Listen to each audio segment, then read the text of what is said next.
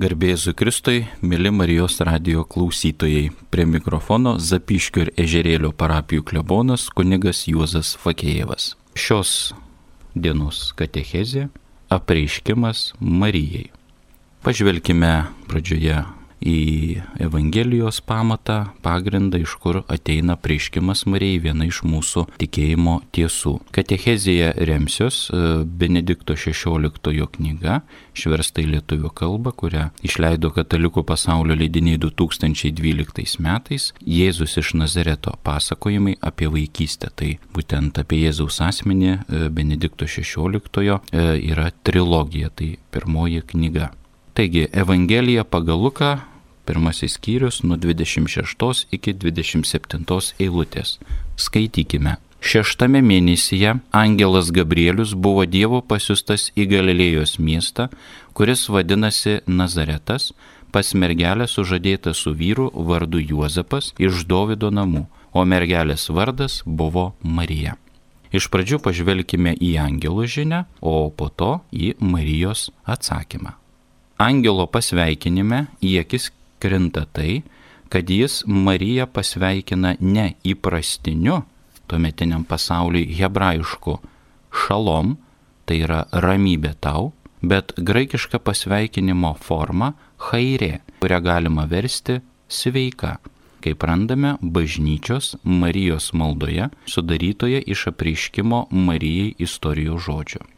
Tikroji graikiško žodžio hairė reikšmė - džiaugis, Šiuo angelo šūksniu, iš tikrųjų taip ir galime sakyti, nes tai buvo šūksnis, tikrai šio žodžio prasme prasideda Naujasis testamentas. Ta dvasinė prasme prasideda Naujasis testamentas nerašytinė, nes Dievas kreipiasi į žmogų, šiuo atveju į Mariją konkrečiai, šį asmenį, ir jau prasideda dvasinė prasme, teologinė prasme, sako Benediktas XVI savo knygui, Naujojo testamento pradžia. Šis žodis angelų lūpose pasikartoja ir šventąją naktį. Aš skelbiu jums didį džiaugsmą. Jono Evangelijoje jis vėl pasirodo per susitikimą su prisikėlusiuoju. Mokiniai nudžiugo išvykę viešpatį. Jėzaus atsisveikinimo kalbose Jono Evangelijoje išnyra džiaugsmo teologija taip sakant, nušviečianti šio žodžio gelmes. Štai citata. Aš jūs vėl pamatysiu, tada jūsų širdis džiūgaus ir jūsų džiaugsmo niekas iš jūsų nebetims. Džiaugsmas šiuose tekstuose rodosi kaip tikroji šventosios dvasios dovana, kaip tikroji atpirkėjo dovana. Taigi, angelo pasveikinimo žodžiu suskamba tarsi akordas vėliau aidintis per visą bažnyčios laiką ir semantiškai kartu nugirstamas pagrindinėme žodyje, kuriuo vadinamas visas krikščioniškasis skelbimas - Evangelija - geroji naujiena. Džiaugis, kaip girdėjome, pirmiausia yra graikiškas pasveikinimas ir todėl tuo angelų žodžiu iškart atveriamos duris į tautų pasaulį. Išriškėja krikščionių žinios visuotinumas. Kartu tas žodis paimtas iš Senojo testamento ir nuosekliai siejasi su biblinė išganimo istorija. Į Marijai skirtą Gabrieliaus pasveikinimą įimta ir jame sudabartinta Sofonijo pranašystė. Štai. Krikštauk iš džiaugsmo Zijono dukra, šauk Izraelė. Izraelio karalius viešpats yra tavyje. Esminė priežastis, dėl ko Zijono dukra turi krikštauti iš džiaugsmo, įsakoma štai tokia ištara. Viešpats yra tavyje. Jeigu žiūrėtume pažodžiui, jis yra tavo iščiose. Sofonijas čia remiasi išėjimo knygos žodžiais, kuriais Dievo gyvenimas sandoros skrynioje vadinamas gyvenimu Izraelio iščiose. Kaip tik tas žodis pasikartoja Gabrieliaus žinioje Marijai. Tu pradėsi iššiose. Tarp kitko ir liturgijoje, jeigu taip medituotume, mistiškai žiūrėtume ir kontempliuotume e, Euharistijos liturgijoje, tai tuomet e, irgi priemęs krikščionis katalikas Euharistiją, Kristaus kūną, irgi priima į savo sielos ir širdies iššes. Ir vėliau matysime kitus svarbius dalykus, irgi tinka krikščioniui Euharistijos liturgijoje priimant Kristaus kūną komunijoje. Tas būtent reikalingas tyrumas, nusiteikimas, kad ir mūsų sielos širdys iššiuose gimtų dvasinė prasme Kristus. Tai labai gilu, labai mistiška ir verta pakontempliuoti tokius dalykus. Čia matyti abiejų žinių vidinis artumas. Marija pasirodo kaip įesmeninta Zijono dukra. Su Zijonu susiję pažadai įsipildo netikėtų būdu. Marija tampa sandoros skrinė, vieta, kur tikrai apsigyvena viešpats. Tai vad ką ir minėjau, kad Euharistijos liturgijoje prieimus Kristaus kūną ir mumise turi apsigyventi Kristus ir mes esame irgi sandoros skrinė. Girdime šventajame rašte, džiaugis malonės apdovanotojai. Verta atkreipti dėmesį į dar vieną pasveikinimo hairė aspektą - džiaugsmo ir malonės sąryšį. Graikų kalboje abu žodžiai - džiaugsmas ir malonė, graikiškai skamba hara ir haris, yra vienos šaknies. Džiaugsmas ir malonė tarp savęs susiję. Taigi, kad turėtume tą tikrą, skaidrų, kaip Dievo motina Marija džiaugsmą, dvasinį džiaugsmą, ne tai, kad e, mes nusipirkome daiktą, susipažinom su nauju žmogum, tik tai, bet tas vidinis gilus mumise turi būti Dievo malonė. Tai labai irgi svarbus ir gilus dalykas. Žvelkime toliau. Į Marijos atsakymą prie kurio prieiname ir šis atsakymas Marijos turi štai tokias tris įdomias reakcijas. Pirmoji reakcija į angelo pasveikinimą yra išgastis ir susimastymas. Jos reakcija skiriasi nuo Zacharyjo. Dažnai Benediktas XVI šioje ištraukoje apie apreiškimą Marijai lygins Zacharyjo apreiškimą ir Dievo motinos Marijos, kadangi tai įvyksta Naujojo testamento laikmetį šviesoje. Štai apie jį sakoma, kad Zacharijas įsigando ir išgastis pagavo jį. Tai prašoma šventajame rašte. Marijos atveju pirmas žodis toks pat - jie išsigando. Tačiau po to eina ne baimė, bet vidinis angelo pasveikinimo apmąstymas. Ji galvoja savo, tai yra kalbasi su savimi viduje ką galėtų reikšti Dievo pasiuntinio pasveikinimas. Tad jau čia iškyla būdingas Jėzaus motinos paveikslo bruožas - Evangelijoje panašiose situacijose pasikartojantis du kartus - žodžio svarstymas viduje.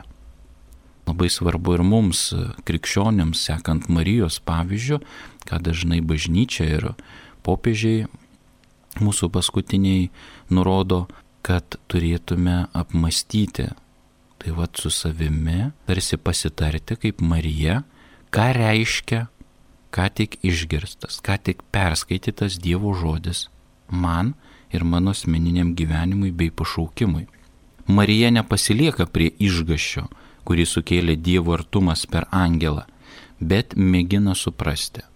Tad Marija pasirodo kaip bebaimė moteris, sveiką protą išlaikanti ir to, kas negirdėta akivaizdoje.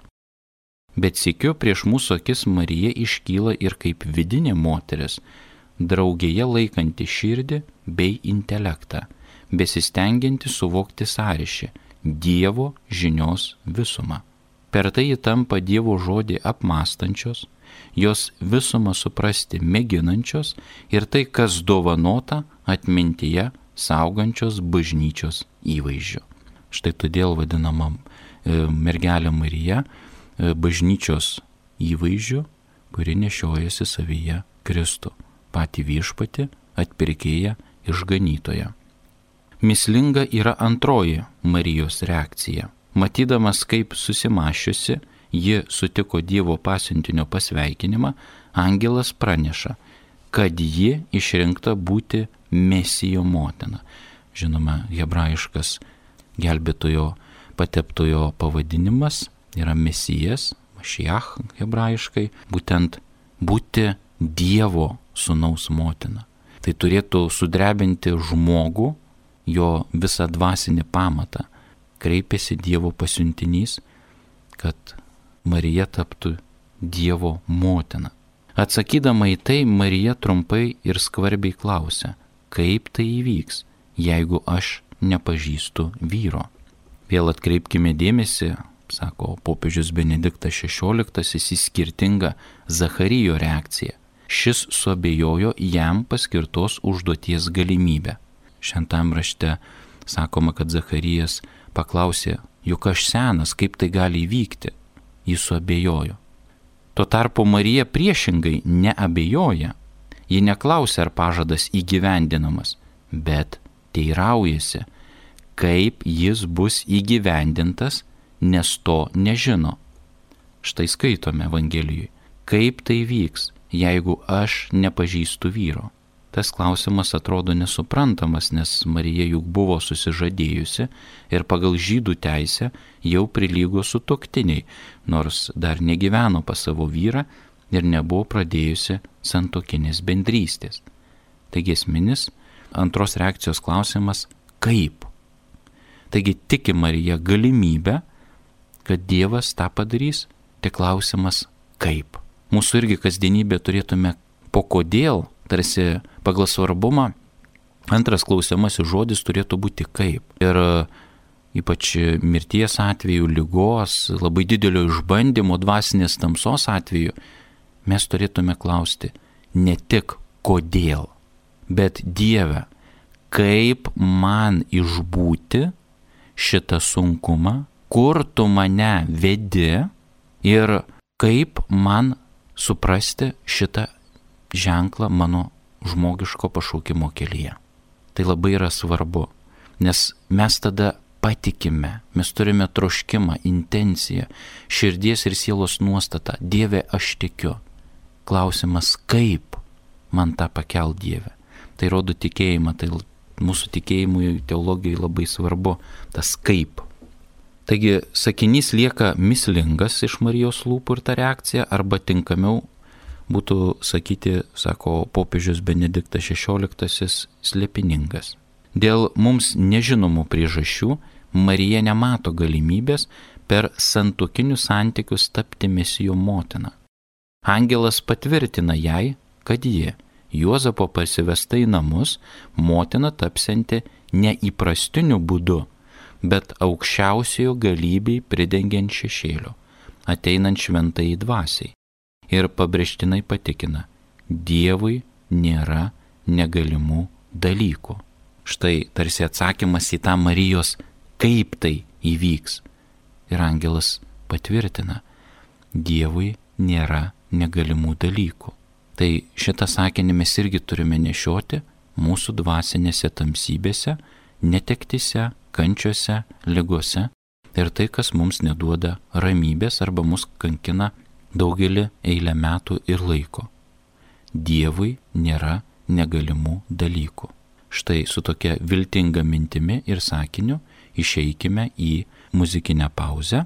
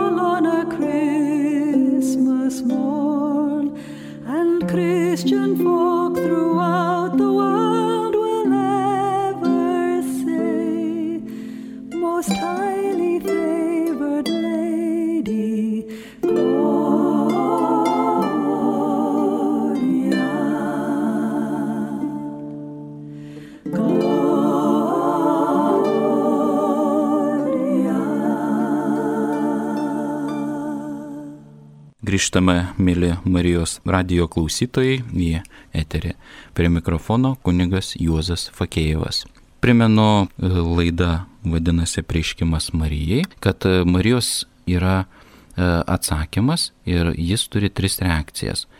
Kalbėjau apie pirmasias dvi, jog pirmoji reakcija Marijos buvo išgastis ir susimastymas, jinai neliko baimės aplinkoje. Ir antroji, tokia labiau mislinga, klausia Marijangelo, kaip tai vyks palyginus su Zachariju. Jinai tiki ir pasitikė Dievo visą galybę, nes paskui angelas patvirtina ir, kaip minėjau, ne tik Marijai, bet ir visiems mums duoda pagoda Dievui nėra negalimų dalykų. Antros reakcijos tarsi pagrindinis raktinis klausimas, kaip mums išbūti Toliau eina trečioji reakcija - tikras Marijos atsakas.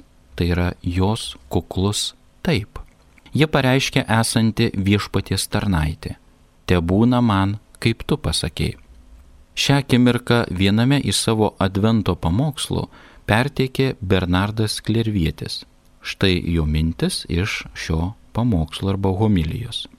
Po protėvių nuodėmės visas pasaulis aptemdytas, valdomas mirties. Dabar Dievas ieško naujo įėjimo į pasaulį, beldžiasi pas Mariją. Jam reikia žmogaus laisvės, žmogaus sukurto kaip laisvo. Dievas negali atpirkti be jo laisvo taip jo valiai. Sukurdamas laisvę, Dievas tam tikrų būdų padarė save priklausomą nuo žmogaus. Jo gale priklauso nuo žmogaus ištariamo taip, išgaunamo neprievarta ir baime.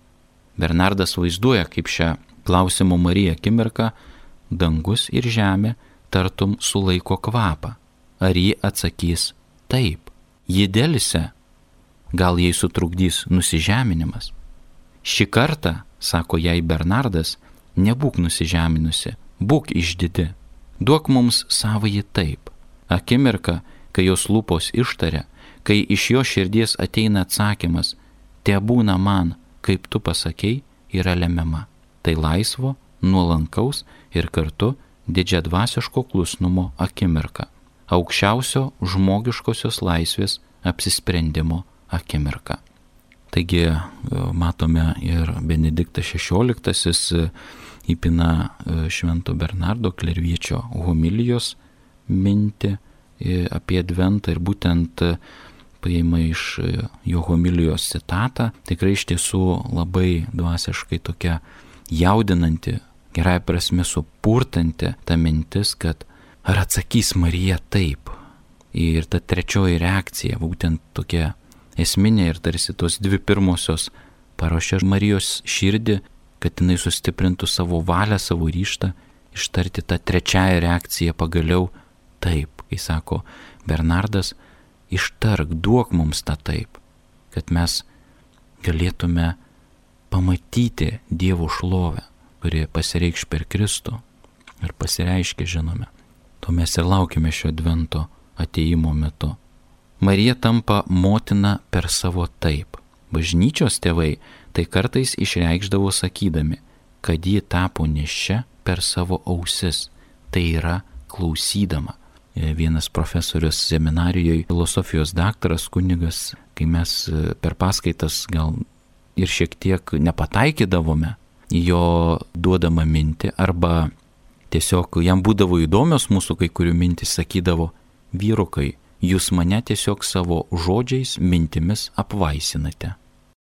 Tai iš tiesų, va tas Dievo žodis, va atkreipiu dėmesį, mili Marijos radio klausytojai, katalikai, kurie dalyvavom Euharistijoje, kai mes klausome skaitant, mes turime klausyti ne tik fizinėmis, bet sielo širdies vidinėmis ausimis. Kad e, ta dvasinė prasme, labai čia gili mintis, mes irgi taptume tarsi nešiojantis kaip Dievo motina Marija savo iššiose, savo širdies sielos iššiose Dievo žodį. Išnešiotume per savo liudėjimą, paskui jis taptų liudėjimu, praktika, mūsų pareigų atlikimu, mūsų tiesiog laiminančių žvilgsnių, mūsų buvimu.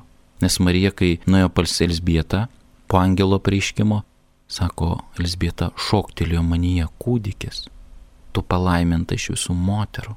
Taigi mes irgi turėtume tą, ah, aš tavim džiaugiuosi, kad tu atėjai, tavo buvimas man svarbus ypač lankant ligonius arba e, artimus žmonės, kurie neteko mylimo savo šeimos nario, bičiulio, kuris išėjo į amžinybę. Turime trumpąją žinutę. Gal galėtumėt pasakyti, kaip yra žinomas angelo vardas, būtent Gabrielius? kas juos pavadina, ar jie patys. Ir dar susiję klausimai, gal žinoma, kiek metų buvo Marijai, kai jai apsireiškė angelas, jog ji pagimdys Dievo sūnų ir ar Juozapas buvo iki to laiko nevedęs. Ačiū už labai irgi brandžius klausimus ir kad girdite. Malonu, kad e, pagiria ir kunigus, paglosto ir šiaip bažnyčios čia toks e, mažas grūdelis į bažnyčios lobyną klausimų taip daug, nemažai. Tarp kitko, pagal Bibliją, kadangi reikia ir smulkiau pasižiūrėti, pasitikslinti taip bendrais bruožais į savo teologinio įsilavinimo šio, šiokio tokio. E, dvasinis pasaulis turi vadinamąją hierarchinę tvarką. Tai vad, e, kas sakoma šventajame rašte, dangus viešpatystės, kunigaikštystės, karalystės, tai būtent irgi yra tas sudėdamas dangus. Arhangelas Gabrielius, vienas iš aukščiausio rango, nes yra angelai, aukštesnis e, arhangelas. Tas, kuris e, turi tiesioginį irgi patikimumą nuo Dievo ir specialią misiją. Visi vardai, ar hebrajiški, ar graikiški, e, kuriuos turi angelai arba arhangelai, šiuo atveju Gabrielius, iš tiesų turi misiją. Vardas parodo jų prigimti ir jų misiją. Gabrielius tas, kuris nuneša Dievo ypatingą apreiškimą. Tas pats Gabrielius apsireiškė Zacharyjui, kad iš jo kils didis pranašas Jonas Krikštytojas. Tas pats Gabrielius Naujam testamente apsireiškia Marijai. Taigi Gabrieliaus vardo prasme tas, kuris nuneša ypatingą apreiškimą žmogui į žemę. Šiaip angelios graikiškai yra žinianešys, taip kalbant ir verčiant tiesiogiai. Dabar, kiek Marijai metų pagal tuometinius rytų papročius, tai buvo mergina, ten subre, subręsta merginos anksčiau, manoma, kad ir 13, 14, 15 metų. Ir tai buvo natūralu tiesiog. Mes dabar žiūrim iš tos perspektyvos ir žinom, kad ir rytuose iš tiesų anksčiau išteka merginos, tarp kitko ir bažnyčios kanonuose yra parašyta, kad sudarant santoką, va būtent iš šito irgi biblinio pagrindo ir tos geografinės padėties, nes įvairius šalis turi savo kultūras, tradicijas ir jos yra inkultūrizuotos į krikščionybę, į bendrą katalikų bažnyčios mokymą. Mergina gali būti sulaukusi pagal vietos papročius ir tradicijas, gali sudaryti santoką sulaukus 14 metų, vaikina 16. Būtent čia yra rytų patirtis ir ta branda ankstesnė. Taigi manoma, kad mūsų vakariečių terminais kalbant buvo paauglystės amžiuje, bet subrendusi tapti motina ir biologinė, ir psichologinė prasme. Apie Juozapą šiaip labai yra mažai ir iš vis nieko nėra, kaip apie istorinį asmenį, tai daug visokių istorijų, daug legendų, mitų, tarp kitko atkreipkite dėmesį, manau, šita mintis jau ir kartojama, Naujajam testamente Evangelijose nėra nei vieno Juozapo žodžio. Jis tyli. Jo tik yra reakcijos, emocijos, jausena, būsena ir viskas. Nei vieno žodžio. Netgi, mm, pavyzdžiui, kaip pas mumis ten, ar kažko, nieko nėra. Evangelistai neužrašė. Manoma, kad buvo garbingo amžiaus, nu, brandaus amžiaus, jau perėjęs 18 metų, gerokai gal tiksliai nenoriu čia mesti abejonių, bet tikrai gerokai vyresnis, gal apie 30, kiek ten metų. Manoma, kad e, nebuvo vedęs, bet čia nėra tiksliai nustatyta ir tiesiog buvo pagal tradiciją, mitinę aplinką, tiesiog sužadėtas, susižadėjęs su Marija. Daug visokių ir proto evangelijose vadinamuose apokrifuose apie Juozapą neva kitų keistų dalykų, bet, kai sakiau, žiūrėkime į katalikų bažnyčios mokymą, gilinkime, kas yra patvirtinta, kas yra metų ir bažnyčios e, amžių tradicijoje eigoje iš tiesų turi pagrindų ir kartais nesimeskim abejonių, kad paskui nepimtų visokios mintis ir susijauktų mūsų jausmai, emocijos ir tikėjimo pagrindas.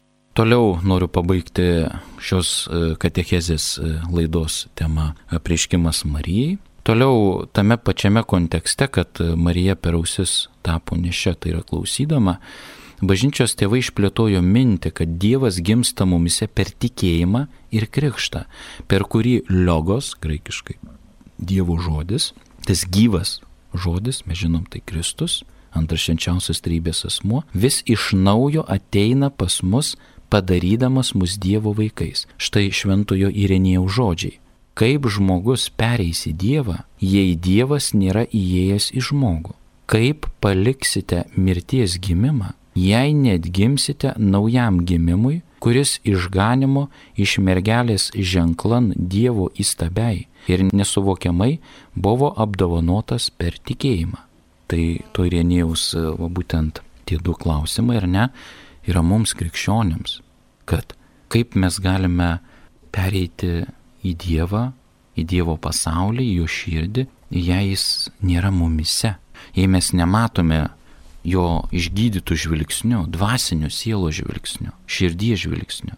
Ir kaip mes paliksime tą tarsi mirties gimimą, jei net gimsime naujam gimimui, jei mes neklausysime ausimis. Ir tarp kitko pirmųjų amžių mystikai, bažnyčios tėvai, krikščionis, dikumų tėvai sakydavo, iš penkių jūslių reikia saugoti, arba kreipti į Dievą ir fiziniais pavydalais, ir savo dvasinę prasme juos užpildyti, pamaitinti, tai rega ir klausa.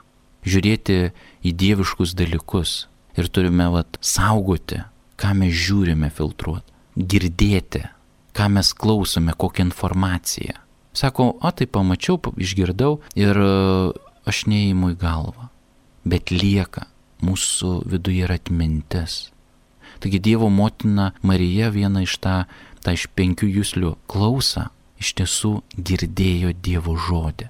Ne tai, kad nuėjo kaip mūsų Euharistijoje Dievo žodį, manau, kad ir lankė sinagogą, buvo auklėjama Jokimo ir Ono savo tėvų, savo toje Senojo testamento tikėjimo atmosferoje. Ir jinai girdėjo tą Dievo žodį. Mėgėjusi, kai sako, mėgavosi kaip Senajam testamente apsalminė, man tavo žodis viešpatė saldesnis už korio medų. Aš jį tiesiog įimu į save, savo sielos jūslėmis, savo sielos visais pojūčiais, savo vidumi geriuosi, skoniuosi. Tiesiog jis įsismelkia į mane. Ir štai paskutinis apie prieškimą Marijai sakinys iš Luko Evangelijos. Ir angelas pasitraukė. Susitikimo su Dievo pasiuntiniu didžioji valanda praeina ir Marija lieka viena su savo užduotimi, iš tikrųjų pranokstančia visas žmogaus jėgas. Jos nesupa angelai ateityje. Ji toliau turi eiti keliu, vedančiu pro daugybę tamsybių. Ir va čia Marijos radio klausytojai galime atrasti save. Save įvairiose, ypač sunkiose gyvenimo situacijose. Kai mes liekame vieni, kai po dvasinio pakilėjimo mums reikia eiti patiems, pasirinkti, kai buvo sakoma Bernardo Klerviečio homilijoje, Dievas tarsi save priboja, nesukuria žmogaus laisvą valią. Be laisvos valios Dievas neveikia žmoguje ir jo gyvenime. Tokiomis situacijomis Marija matyt dažnai viduje grįždavo į tą valandą, kai su jie kalbėjo Dievo angelas, iš naujo įsiklausydavo į pasveikinimą, džiaugis malonėmis apdovanotai, į pagodžiantį žodį, nebijok, angelas pasitraukia, užduotis pasilieka, dėl jos auga vidinis artumas su Dievu, jo artumo vidinis regėjimas ir lytėjimas. Ir mes turime grįžti, na būtent kai mes išgyvenam ar švesdami kažkurį septynių sakramentų, ypač du net gailos, Dievo gailestingumą, Euharistiją, tą lytėjimą ir pajutimą, taip pat su žmogumi, kuris mus dvasiškai pakilėjo arba mes e, nesau priskiriame, bet Dievui, šventiesiems, e, kitiems e, nuopelnus, kai iš tiesų mus kažkas iškelia iš tų tamsybių mirties, tamsybių nagų. Tai būtent tebūnė ir mums per šį adventą ir mūsų kasdienybę paguodžianti tą žinę per Marijos pavyzdį, kad džiaugis žmogau, nes tu malonėmis apdovanotas. Ir nebijok, angelas, žininešys, nuo Dievo, nebijok žmogau, tu gali pakelti, tu gali išlipti, bet yra laisva valia tas rytis, kur turi įsileisti Dievą. Malonu, kad girdėjote, klausėte įdėmiai, kartu buvote šį laiką katechezėje. Šioje laidoje girdėjote temą apreiškimas Marijai. Prie mikrofono buvo Zapiškio ir Ežerėlio parapijų klebonas kunigas Juozas Fakėjevas.